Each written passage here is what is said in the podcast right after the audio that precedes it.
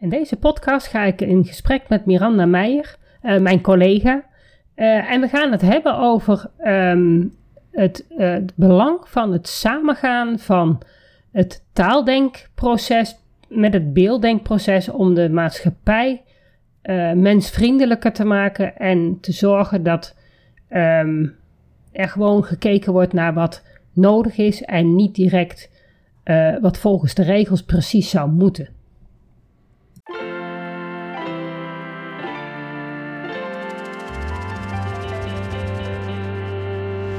Welkom bij de Beelddenkers podcast. Ik ben Natasja Esmeijer van Beeldig Brein en de schrijfster van het boek Beelddenkers als kwartjes vallen.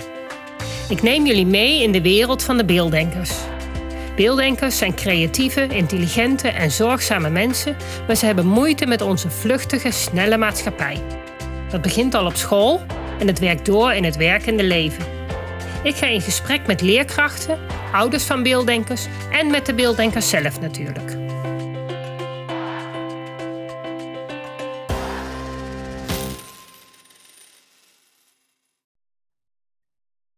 Welkom bij deze nieuwe Beelddenkers podcast. Uh, vandaag ga ik uh, weer eens een keer in gesprek met Miranda Meijer, mijn, mijn collega, mijn beelddenker. Ik ben natuurlijk de taaldenker van ons stelletje. Um, we gaan het vandaag een beetje hebben over onze ervaringen met het um, waar beelddenken en taaldenken elkaar aan zou kunnen vullen. Omdat wij merken dat in de maatschappij eigenlijk toch heel veel dingen op de taaldenkmanier gaan, waardoor dat beelddenk denken, wat eigenlijk elk mens in zich heeft, um, ja, niet echt aan bod komt. Waardoor nou ja, vooral beelddenkers zich uh, continu moeten aanpassen of niet gehoord voelen. Of, um, nou ja, zeker het onderwijs is natuurlijk heel erg talig ingericht. En niet zozeer alleen maar taal, maar ook echt met, um, via het automatiseren leren. Maar ook de opvoeding gaat via oorzaak en gevolg. En dat is eigenlijk allemaal veel beter geschikt voor het uh, taaldenkbrein. En uh, nou ja, beelddenkers komen niet echt aan bod, terwijl die toch eigenlijk dat beelddenken heel veel goede kanten in zich heeft. Terwijl als we samen zouden werken veel meer en elkaar meer de ruimte zouden kunnen geven, ja, is er natuurlijk veel meer mogelijk. Dus uh, nou ja, welkom Miranda. Leuk, gezellig. is lang geleden. Ja, hè? in het begin hebben we een paar keer een podcast opgenomen, maar het is al heel lang geleden. En niet dat wij nooit met elkaar praten, gelukkig wel. Oh, vaak zat. Ja. Maar we hebben ook wel een hele ontwikkeling uh, doorgemaakt met z'n tweeën. Ja, dat klopt. Wij, wat dat betreft, wat gij, datgene wat wij uh, nou ja, in onze kernopleiding hebben samengevat, dat is eigenlijk wel iets wat ook uh, heel veel oorsprong heeft in onze samenwerking. Ja, ons samenwerken, dat ging echt niet vanzelf. Um, en ik denk, uh, als je dan kijkt van wat maakt nou dat dat, uh, omdat we toch heel verschillend zijn qua denken, maar ook gelukkig heel veel overeenkomsten hebben. Dat maakt dan dat het werkt, en dat je er in ieder geval over in gesprek gaat. En dat we een, een, open communicatie hebben, dat we niet bang hoeven te zijn dat de ander zich heel erg gekwetst voelt als je iets zegt. Of dat je kunt aangeven van, goh, uh, daar loop ik tegenaan, of uh, dit loopt niet zo lekker.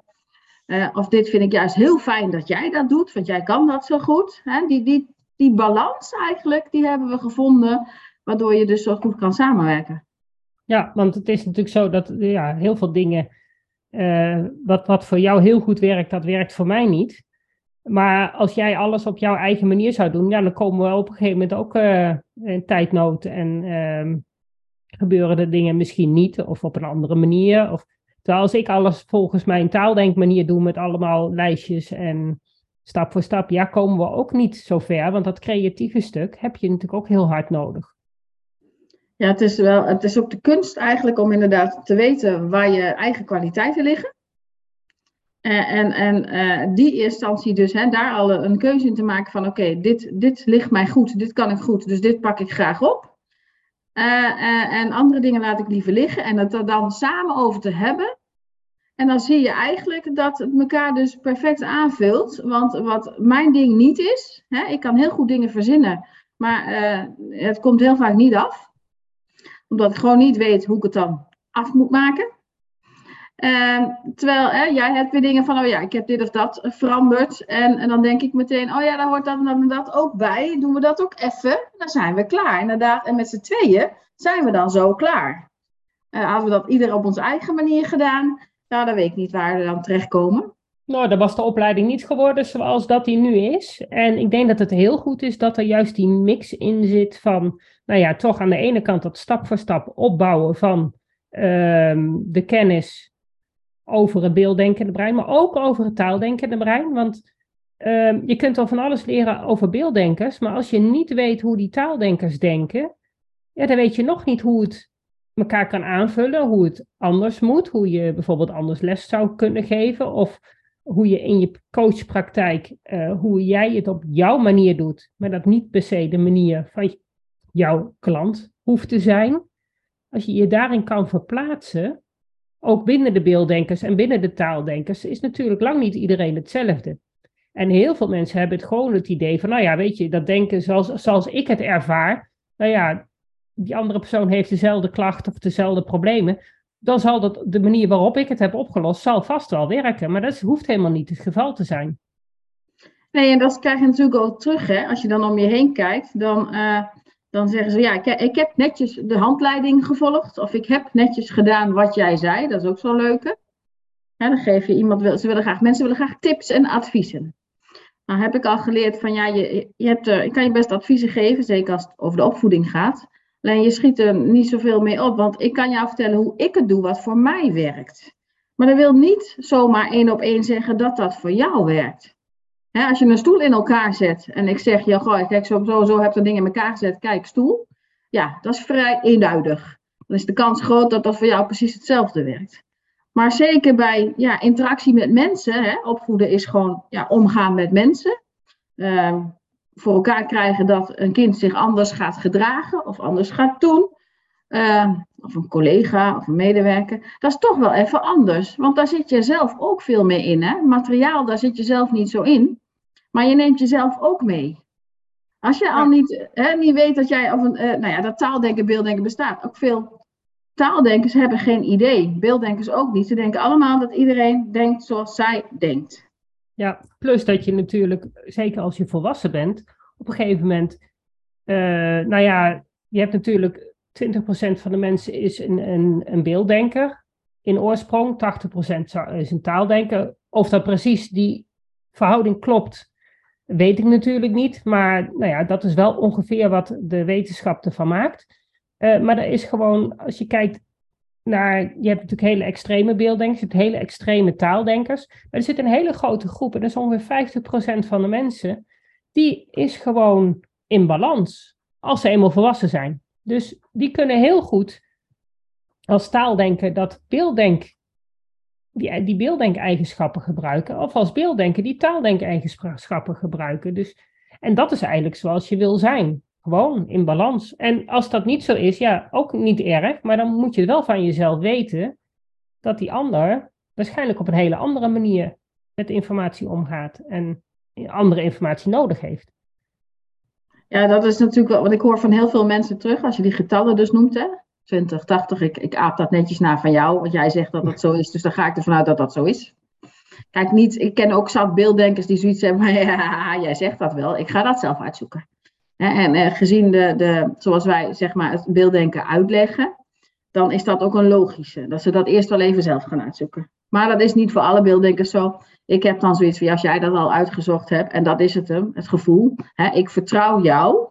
Dus ik ga ervan uit, als jij dat uitgezocht hebt, dan klopt dat. Klaar. Dus dan geef ik dat gewoon weer door aan de volgende. En daar denk ik dan verder niet over na. Nogal taaldenkachtig zou je zo Is ook niet heel belangrijk natuurlijk. Nee, Als zou het 50-50 dus zijn. Ja, maar dan krijg je van mensen terug van, ja, maar ik denk dat er veel meer beelddenkers zijn. Uh, en, uh, um, en dan denk ik, ja, goh, ja, ja, geen idee eigenlijk, zou dat kunnen. Maar als je inderdaad ervan uitgaat dat je in principe in balans bent, en dan, hè, wanneer zeggen mensen dat, die tegen, in hun werk bijvoorbeeld, er tegenaan lopen dat ze niet de ruimte krijgen om dingen anders te doen, op hun eigen manier te doen. En dan maakt het niet uit of jij taal- of beelddenker bent. Uh, je wordt gewoon beperkt door wat een ander jou oplegt. En dat is een gevoel, hè? kijk, als je in, in, in de gevangenis zit, word je ook letterlijk beperkt door wat een ander jou oplegt. Dan heb je, voor zover ik weet, ik heb er nooit gezeten, maar wat ik dan gehoord, gezien heb, heb daar heb je gewoon helemaal niks te vertellen, zeg maar. En sommige mensen hebben dat op hun werk soms ook wel het gevoel van, nou, ik moet de protocollen volgen, ik moet de paardjes volgen. Ja, en als ik dan zoiets zeg van, ja, maar hè, nu moet ik, uh, uh, nou, je zult uh, voor een, een hulpverleningsorganisatie werken, je moet in een gezin werken, je moet, weet ik veel wat zou je dan moeten doen. Gewoon gezinscoach. Gewoon gezin, ja, nou, en zoiets van, nou, wij doen dat altijd zo, maar binnen dit gezin werkt dat eigenlijk voor geen meter dat je dan dus niet de mogelijkheid krijgt om het anders te doen. En dan hoeft, ja, dat is eigenlijk ook een stuk de behoefte om, net als een beelddenker, uh, de dingen aan te passen. De logica van, ja joh, ik pas het toch gewoon aan zodat het wel werkt. Daar loop je dan tegenaan. Daar hoef je natuurlijk niet per se een, een, een beelddenker voor te zijn. Om dat nee, zeker niet. Ook taaldenkers lopen er tegenaan dat, dat onze hele maatschappij eigenlijk, en dat is het onderwijs, met de, met de lesmethodes waar je in moet volgen. Maar dat zijn ook gewoon alle wetten en regeltjes en uh, protocollen die dus bij de hulpverlening gevolgd worden. Of bij een GGNet, uh, GGZ-instelling gevolgd worden. Uh, met diagnoses bepalen bijvoorbeeld. Als je aan die, die, die en die voorwaarden voldoet, dan heb je ADHD. Is er één vakje minder, ja, dan heb je dus geen ADHD het hele eh, systeem zit vol met eh, protocollen waar niet van afgeweken mag worden. Omdat dat duidelijkheid geeft, omdat dat eenduidigheid geeft ook voor de, de wet, de, de wetgeving, de rechters. Die moeten natuurlijk ook op een gegeven moment kunnen bepalen van mag iemand dit wel of mag dit niet. Dan, dan zitten allerlei um, regeltjes aan, moet duidelijk zijn. Dus nou ja, weet je, heel veel protocollen zijn dus gezegd van, nou weet je, als iemand daar last van heeft, oké, dan gaan we dit en dit en dit en dit en dit doen. Uh, pas als dat niet werkt, nou dan gaan we eens kijken of we het anders moeten doen. Maar als je het, uh, dat is puur taaldenken. Dat is heel talig, dat is heel uh, stapje voor stapje, alles volgt op elkaar.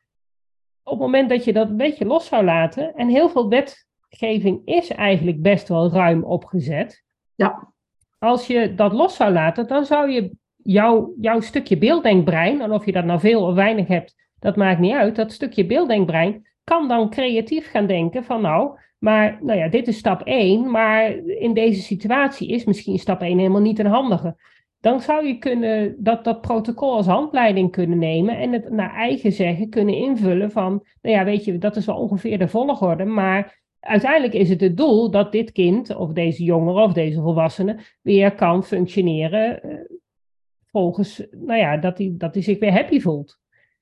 En dat is eigenlijk het uiteindelijke doel. En als dat allemaal in strakke protocollen geregeld is, ja, dan kon je dus niet dat stuk beelddenken, wat zo ontzettend belangrijk is, dat gevoel dat uh, iedereen is anders, iedereen heeft dus iets anders nodig, dat kun je daar niet in kwijt.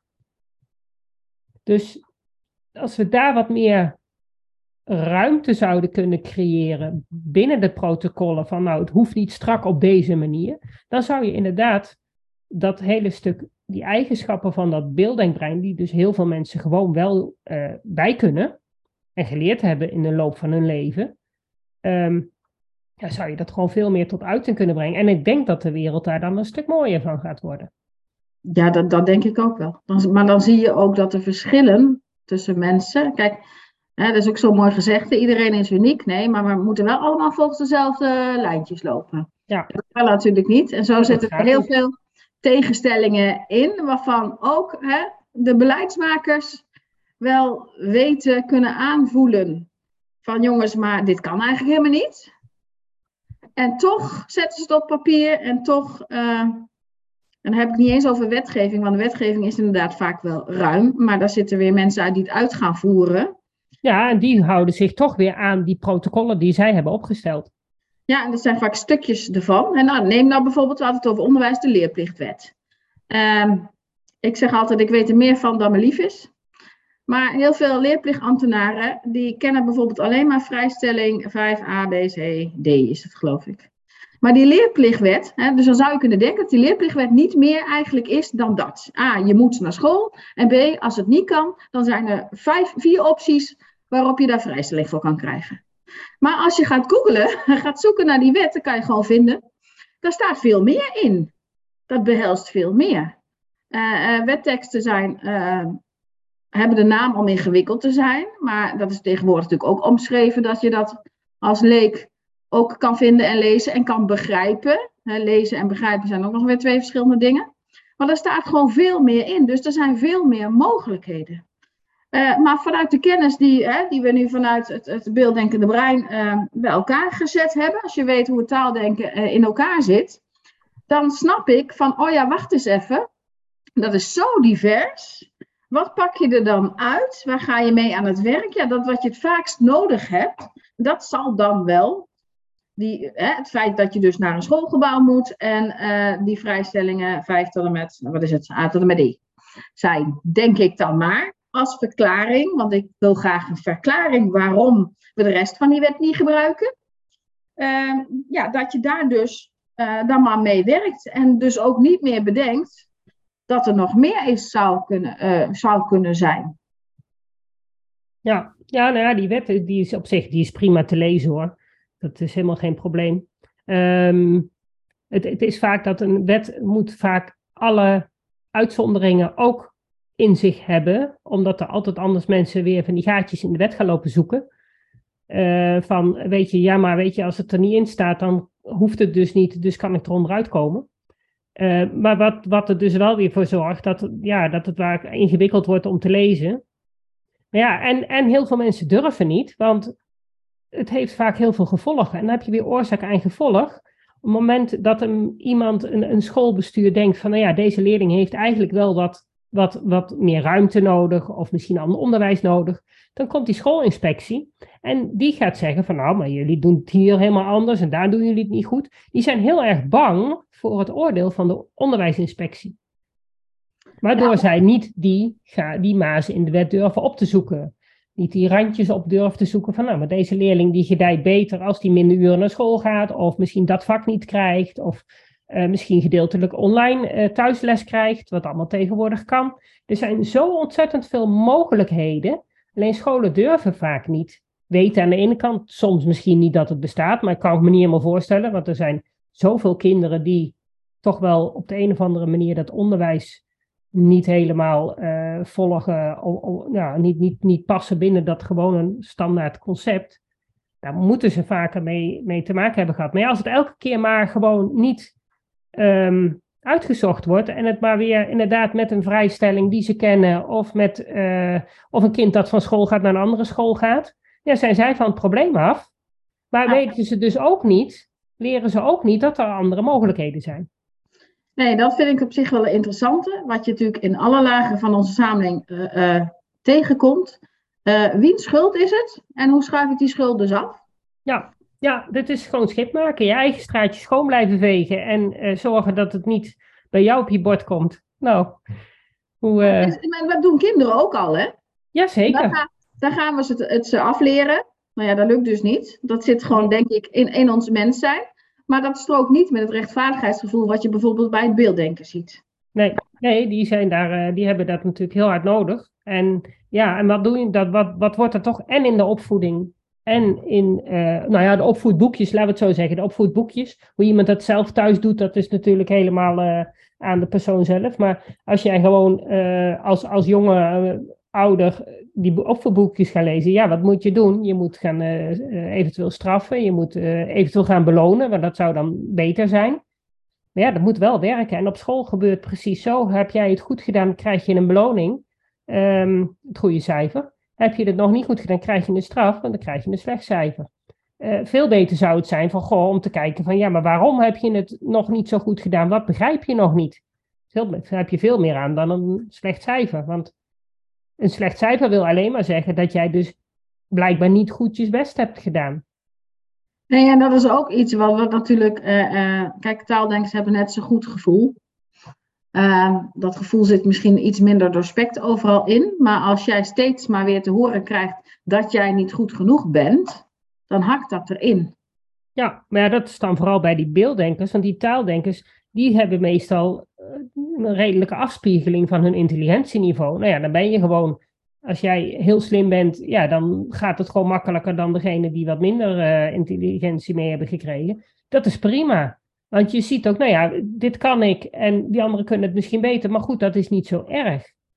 Maar als jij als beelddenker eigenlijk wel beter zou kunnen en je wordt steeds tegengehouden omdat je geen idee hebt wat, wat je allemaal moet doen, ja, dan gaat het dubbel op dat gevoel spelen en dat rechtvaardigheidsgevoel, want dat is ook nog eens een keer niet eerlijk dat je dus geen les krijgt dat past bij jou. En zeker als je dat dan ook nog te horen krijgt van een coach die zegt van ja, jij kan er niks aan doen, uh, school moet er wat te doen, maar ja, school gaat er niks aan doen.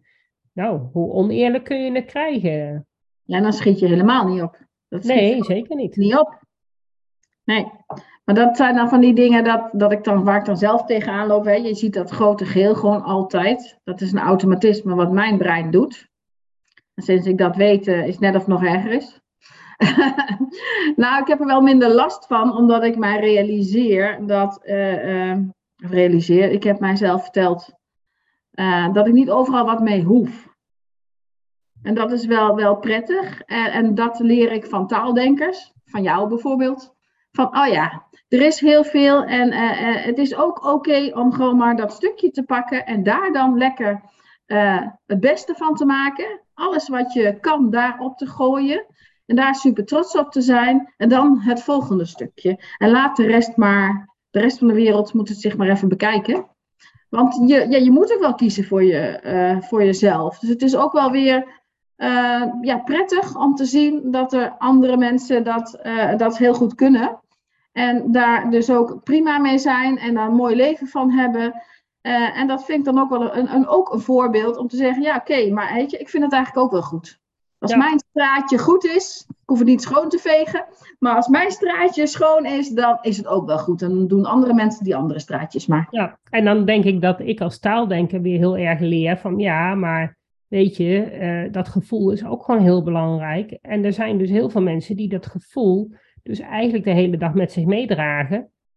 Terwijl dat, als je daar geen rekening mee houdt, en dat niet eens weet, want heel veel mensen weten dat dus gewoon helemaal niet. Want als jij dat zelf niet in jouw denkproces hebt zitten, ga je er ook niet over nadenken dat dat bij iemand anders wel het geval is.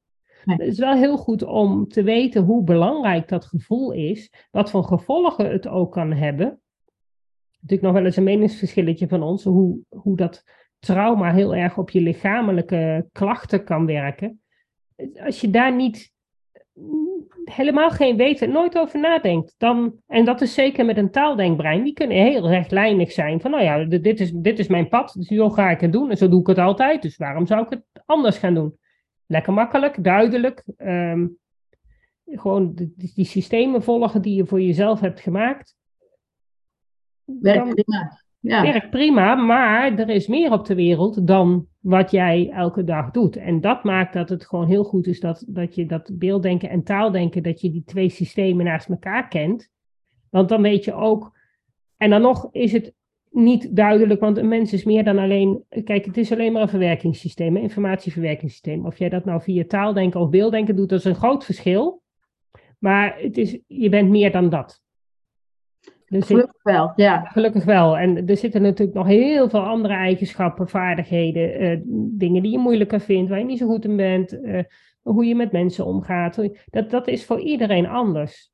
En dus het, je moet het niet in een hokje willen plaatsen. En dat is wat er eigenlijk vaak gebeurt als jij naar, de, naar bijvoorbeeld de psychiater gaat. Die gaat kijken welk hokje past hier het beste bij. Soms krijg je er twee. Maar iedereen past in heel veel hokjes. En soms is het handig om te weten welk hokje bij jou past. Um, maar alleen maar om te weten van, nou ja, weet je, waarschijnlijk gaat het bij mij, dat denkproces, op deze manier. En moet ik daar dus rekening mee houden? En misschien moet de omgeving daar ook rekening mee houden. Um, en dan heb je een andere manier om met elkaar om te gaan. Maar dat wil niet zeggen dat iemand niet goed is en maar in een hokje zit en dus nooit wat anders gaat bereiken. Of, um, maar dat zie je toch wel in de, de gespecialiseerde hulpverlening, zie je dat ze daar heel erg sterk mee bezig zijn. Eh, dat kijken van wat kan iemand nog wel en uh, wat hebben ze nodig. Ik ben laatst bij, bij Triunity geweest. Nou, als je ziet hoe, dat, hoe leuk dat met elkaar omgaat, maar ook hoe, hoe ze last van elkaar hebben. Ja, dat, dat kan, maar dat, daar is ruimte voor, voor iedereen, om dan toch nou ja, zijn eigen weg daarin te vinden. En dat is ook wel bijzonder, dat, maar goed, dat verschil zie je natuurlijk op scholen ook. Eh, maar ook uh, met, uh, ja, gemeentes waar ik dan bijvoorbeeld mee te maken heb. De ene gemeente, en dan is het maar net wat voor persoon je dan treft, ook nog wel. Ja. De ene zegt, oh ja, maar hè, je voldoet niet aan alle, hè, alle, alle lijstjes. Hè. We hebben geen SKJ-registratie, ga ik ook niet kijken, want ik heb de diploma's wel, maar ze zijn te oud. Ja. Uh, dus moeten we dan, ik ga mijn Pabo echt niet overnieuw doen voor een SKJ, echt. Nee hè? Nee, en dan moet je dat waarschijnlijk over tien jaar nog een keer doen, dan zie je weer verouderd. Dat bedoel ik. We blijven niet. En dan ben je al vier jaar weer verder. Dan, oh, misschien kan het iets sneller, maar nee, dat is geen doen. Dat is geen nee, doen. maar dat, dat soort dingen. Het is ook wel goed eigenlijk, hè? want je bent dan geneigd. Uh, uh, tenminste, ik ben dan geneigd uh, om te zeggen: ja, oké, ik moet daar dan mee. Hè? Die krijg je, dat, dat krijg je naar je oren. Ja, maar als je dan dat wil, dan moet je wel daarin mee. Terwijl je merkt op een gegeven moment, je zegt: ja, ho, wacht. Hè, dit is mij gewoon te gek. Dit ga ik niet doen. Ik weet niet hoe dan wel. Maar ja, nou, dit pad ga ik dus gewoon niet doen. Ja, maar een gemeente die wil dus wel gewoon... andere wegen te zijn. Ja, maar een gemeente wil dus alleen maar instellingen mee samenwerken, waarvan zij precies duidelijk van tevoren hebben van, nou, dat zijn, dat zijn de protocollen, op die manier gaan ze te werk. En dan weten ze waar ze aan toe zijn. Bij jou weten ze niet waar ze aan toe zijn, dat is eng. Dat is eng, hè? Misschien wel op een hele andere manier. Misschien ga je wel iets anders doen dan wat zij, oh. zij mogen bekostigen. Misschien werkt het wel. Dat niet hebben. Misschien wel. Dan, dat zou dan ook wel weer lastig zijn. Maar dan zitten ze nog langer met je opgescheept. Nou, dat, vind ik dan weer leuk. Maar dat vind ik dan weer leuk, hè? Om zo'n iemand die dus dat dus zo voor zichzelf duidelijk heeft. Die dus denkt, jongens, zo en zo zit in elkaar.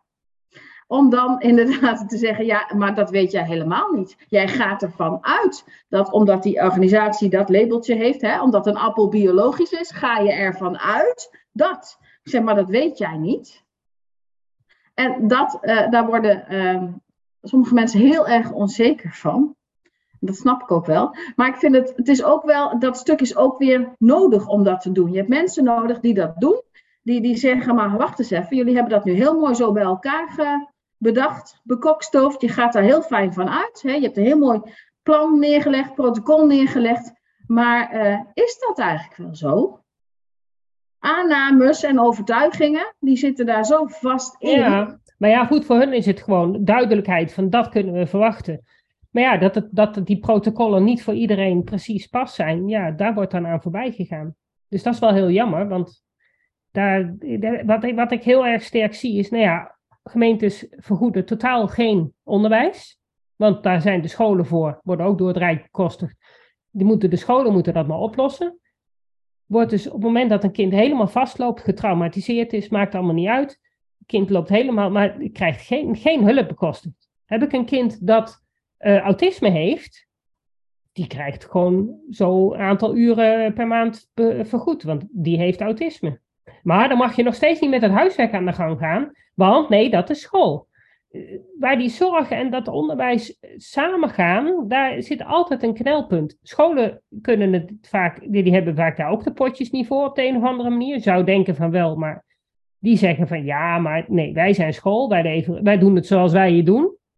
Ja. Willen daar nog wel uh, een beetje in meebewegen, maar ze hebben wel hun eigen uh, mensen en hun eigen bepaalde ja. dingen. Je moet eerst een labeltje krijgen, wil je bepaalde dingen vergoed krijgen. Nou ja, ben jij een beelddenker, heb je eigenlijk recht misschien op, op extra tijd of zo. Krijg je niet, want je hebt niet het labeltje dyslexie. Want je bent veel te slim om drie keer een, eh, een vijf te scoren voordat je een dyslexieverklaring krijgt. Ja, dus, bijvoorbeeld. ja, bijvoorbeeld. Dus dat zijn allemaal van die dingen waarbij het helemaal elkaar tegenwerkt. En je dus dat stukje beelddenken nodig zou hebben om te zeggen van nou, weet je, die protocollen zijn er wel, maar ik zie dat dit kind um, het, het eigenlijk aan, wel aan de voorwaarden voldoet, alleen niet die drie keer die vijf scoort, maar wel dezelfde problemen heeft, ja, waarom zou die dan niet die dyslexieverklaring mogen hebben, zodat hij extra, of alleen maar extra tijd krijgen, maakt niet uit. Uh, dat, dat is gewoon zo jammer dat het allemaal aan bepaalde voorwaarden moet voldoen. En zelfs als leerkrachten, want we hebben ook laatst van iemand, van een leerkracht, een, een, een berichtje gehad van, goh, ik wil zo graag ik wil zo graag mijn leerlingen uh, beelddenkvriendelijk onderwijs geven, maar ik mag niet. Ik, die wordt aan alle kanten teruggefloten. Die mag nergens beelddenken noemen. Die mag nergens. Terwijl wij gewoon weten dat nou ja, goed, 20% van de kinderen op school, die denkt gewoon echt zo anders. Die leert gewoon op zo'n andere manier. Het is gewoon, ja, die, die lopen allemaal ergens een keer vast. Het zijn er behoorlijk wat. Dus ik denk dat het alleen maar helpend zou zijn. Ja, maar en, en ook eigenlijk, hè, want ze weten het niet, maar dat is ook onzin, want ze weten het wel. Alleen dan noemen ze het hoogbegaafdheid en die moeten ook top-down les krijgen. Ja, maar ja, hoogbegaafdheid, niet alle beelddenkers zijn hoogbegaafd. Maar dat is inderdaad, is dat afschuif, uh, ja, dat afschuifsysteem inderdaad, waarvan ze denken dat het ze het makkelijk maakt, maar het maakt het alleen maar ingewikkeld. Ja. ja, terwijl het dus heel veel tijd zou schelen als ze dus meer zouden aansluiten bij dat natuurlijk leerproces. Waardoor ze gewoon heel veel tijd over hebben, wat ze nu moeten stoppen in al die kinderen maar bij proberen te spijkeren, wat toch niet gaat lukken. Maar dat is net zoals jij, uh, uh, als je het even naar, naar een gezin terugbrengt. Hè? Stel je hebt uh, twee kinderen, ik ken dat van mijn ouders. Dat zat er zo ingebakken. beide kinderen moest je hetzelfde behandelen. Dus ja. moest je gelijk ja, opvoeden. Moest hetzelfde. En dan heb je, hè, nou ik heb een broer, dus dan heb je ook nog een jongen en een meisje. Nou, als je nog twee jongens hebt, dan kan je er nog iets bij voorstellen. Dan zijn die ook nooit het simpel, hetzelfde. Maar goed, dan kan je nog zeggen, die krijgen allemaal hetzelfde speelgoed, dat weet ik veel wat. Maar mijn jongen en een meisje gaat die vliegen natuurlijk al niet op. Ik bedoel, ik had al lang haar, dus ik had dingen voor mijn haar nodig. Nou, mijn broer niet. Dus gel hadden we toen nog niet zo. weet je, dus, dus eigenlijk krijgen mijn ouders, die merkten al heel erg van jongens, hè, wij hebben wel geleerd dat het uh, gelijk moet. Hoewel ik mij afvraag, ze komen allebei uit gezinnen van de een van zes kinderen en de ander van acht. Dus dan snap ik, ik denk dan, waar komt dat vandaan? Maar dat zullen dan... Nou ja, als je er acht hebt, dan, dan doe je het wel gelijk, maar dat voedt zichzelf wel op. Ik zeggen, maar daar kan, daar kan het al dus niet. Nee. Dat kan al nooit. Maar ja, maar daar heb je dus volgens mij juist... maar ook dat overbrengen weer aan je eigen kinderen, als die dus hun kinderen gaan opvoeden. Van nee, maar het moet wel gelijk. Als je de een wat geeft, moet je de ander ook wat geven. Als je de een ja, uh, maar je bent ook niet hetzelfde. Hè? Of net als oh, papa en mama moeten op één lijn zitten. Ja, dat is nooit zo. dat kon bij ons ook niet, dus het was makkelijk. Ik had maar mijn is dat lijn. En, dan? Weet je, is nee, dat, was helemaal niet Laten we alsjeblieft verschillend ja. zijn. Ja. En, en, zeg dan ook inderdaad, nou weet je, laat papa dat maar doen en mama doet dit. En jij vindt uh, dit heel interessant, dus jij krijgt van ons dat cadeau. En dan wat jij dat zo leuk, dan is het meer dat hè, gelijkwaardige waar wij dat over hebben. Dan zoek je het in de waarde.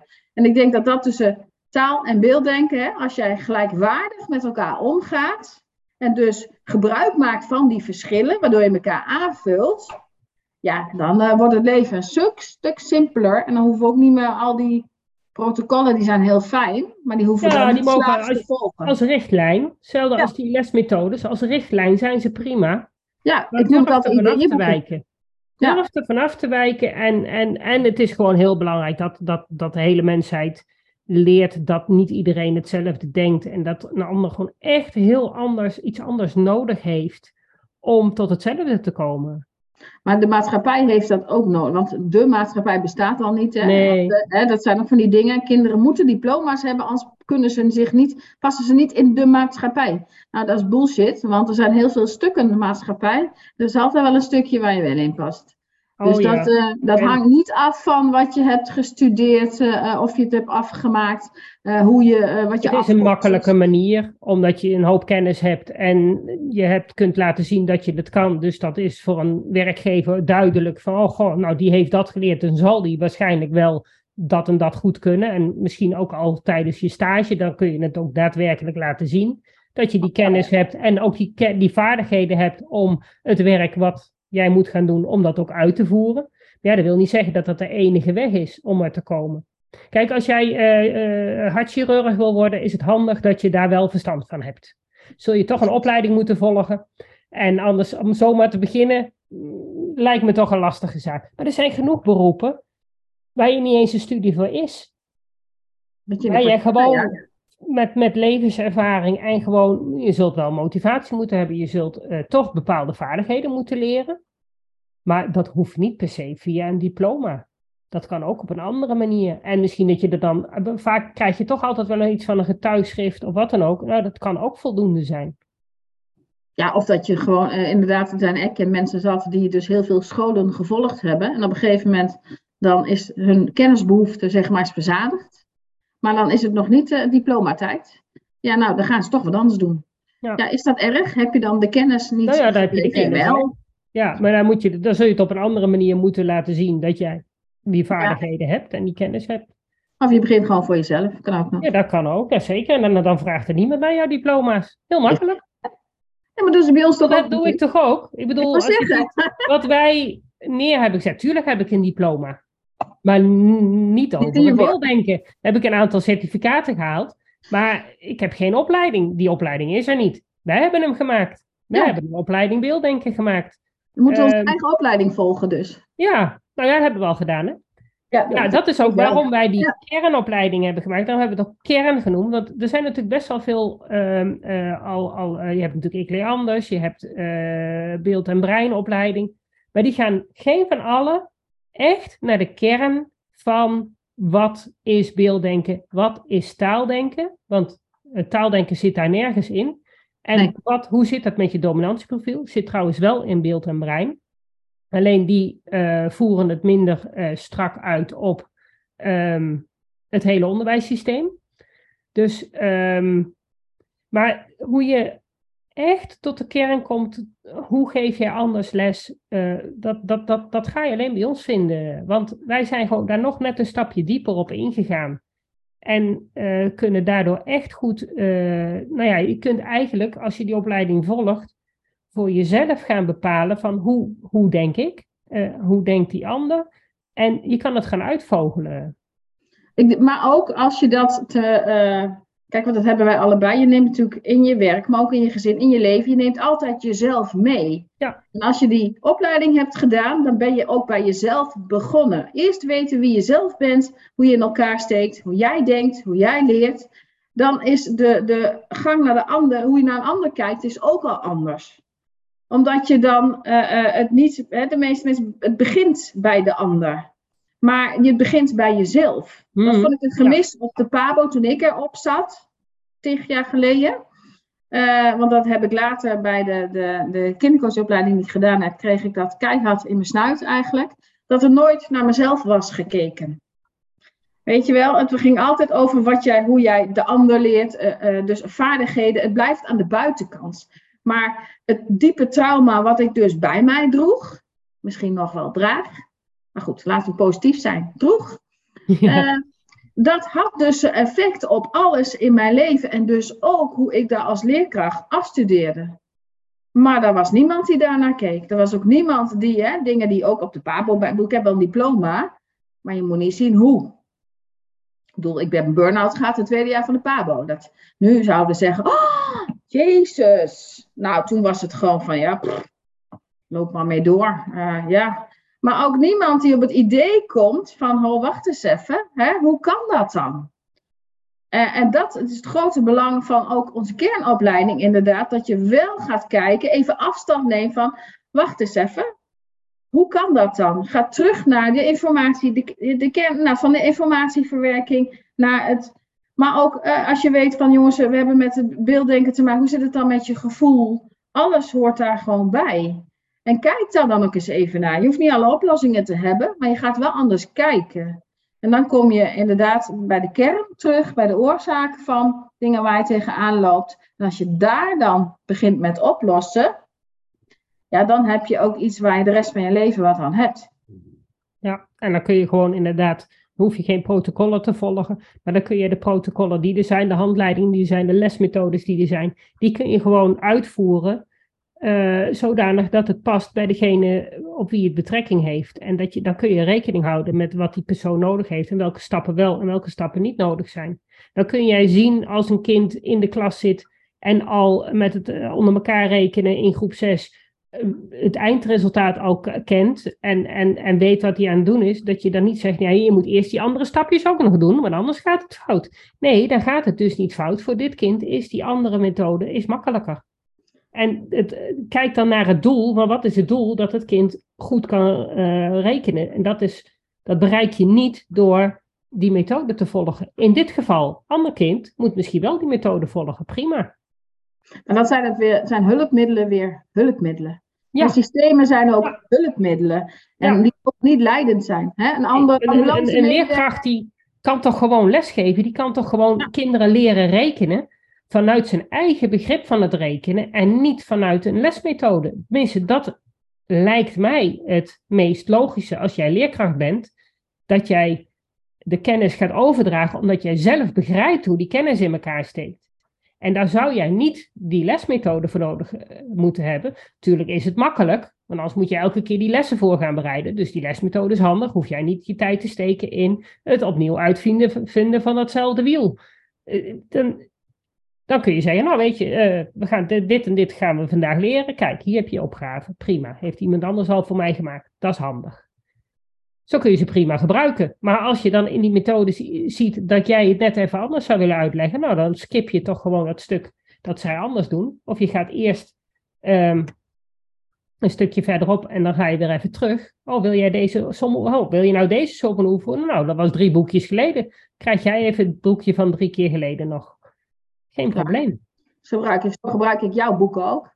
Ja, hè? Ja, gewoon, eh, waarom zou ik nog een keertje gaan opschrijven wat jij al hebt opgeschreven? Of zou ik nog een keertje gaan uitleggen wat jij al zo mooi hebt uitgelegd? daar hebben we beeldmateriaal voor. Heel veel filmpjes in onze online cursus. Ja, waarom zou ik dat zelf gaan doen? Terwijl jij dat al zo mooi uitlegt. Ja, dat, dat, uh, dat is nou jammer van het werk. Ja, zeker. Dus dan moet, daarom moet je gebruik maken van, nou ja, weet je, dat beelddenken, taaldenken. Het heeft allebei zo zijn voor- en zijn nadelen. Absoluut. Uh, en de, de, de, nadelen van het beelddenken zijn vaak geen eens de nadelen van het beelddenken, alleen de nadelen dat het, van het feit dat onze maatschappij zo talig en zo uh, stap voor stap is ingericht. Dus dat je er met je beelddenken uh, brein gewoon niet meer uit de voeten kan. Dat wil niet zeggen dat het een nadeel van het beelddenken is, alleen een nadeel van de maatschappij waar we in leven. En als je dat voor ogen houdt, ja, dan kun je inderdaad kijken naar, anders, naar de opvoeding kijken en ook anders naar uh, het onderwijs kijken. En ook anders kijken op de werkvloer, hoe iemand zich kan handhaven en waar iemand goed in is en hoe die zijn werk het beste uit kan voeren. Ja, dan haal je het, uh, het kortzichtige, het korte termijn, haal je er gewoon af. Dan kun je ook naar het lange termijn. En dan uh, is het klaar, happy. Krijg je weer overzicht. Hebben wij geen werk meer, hè? jammer. Ah, geeft niks. nou, hey, het was een leuk gesprek. Ja. Dankjewel. Ja, gedaan. Uh, gaan we binnenkort vast nog wel een keertje doen. Ja, moeten we gewoon. Ja. Dat was het weer voor vandaag. Bedankt voor het luisteren en superleuk dat je erbij was. Ik hoop dat je weer een beetje meer ontdekt hebt hoe gaaf, maar ook hoe lastig het kan zijn om een beelddenker te zijn in een wereld die is ingericht voor taaldenkers. Wil je meer weten? Lees dan mijn boek Beelddenkers als kwartjes vallen. Wil je op de hoogte gehouden worden van alle informatie die ik deel over beelddenkers in het onderwijs? Klik dan op de abonneerknop in je podcast-app. Wil je dat dan meer mensen op de hoogte zijn van hoe beelddenkers anders denken? Laat dan een review achter, zodat er steeds meer mensen in beweging komen om het beelddenken serieus te nemen. Heb je nog tips of vragen? Of ben jij of je kind een beelddenker en wil jij je verhaal delen? Laat het me gerust weten. Wil je als ouder of leerkracht echt weten hoe het allemaal werkt bij je kinderen of bij jezelf? Kom dan naar een van de cursussen. Duik helemaal in het onderwerp en kom erachter dat beelddenkers helemaal niet zo anders zijn en best in ons onderwijssysteem passen, als je maar weet hoe ze denken. Ik geef speciale cursussen voor ouders en voor professionals. Voor meer informatie ga je naar www.natasjaesmeijer.nl. Samen gaan we voor een beelddenkvriendelijke wereld.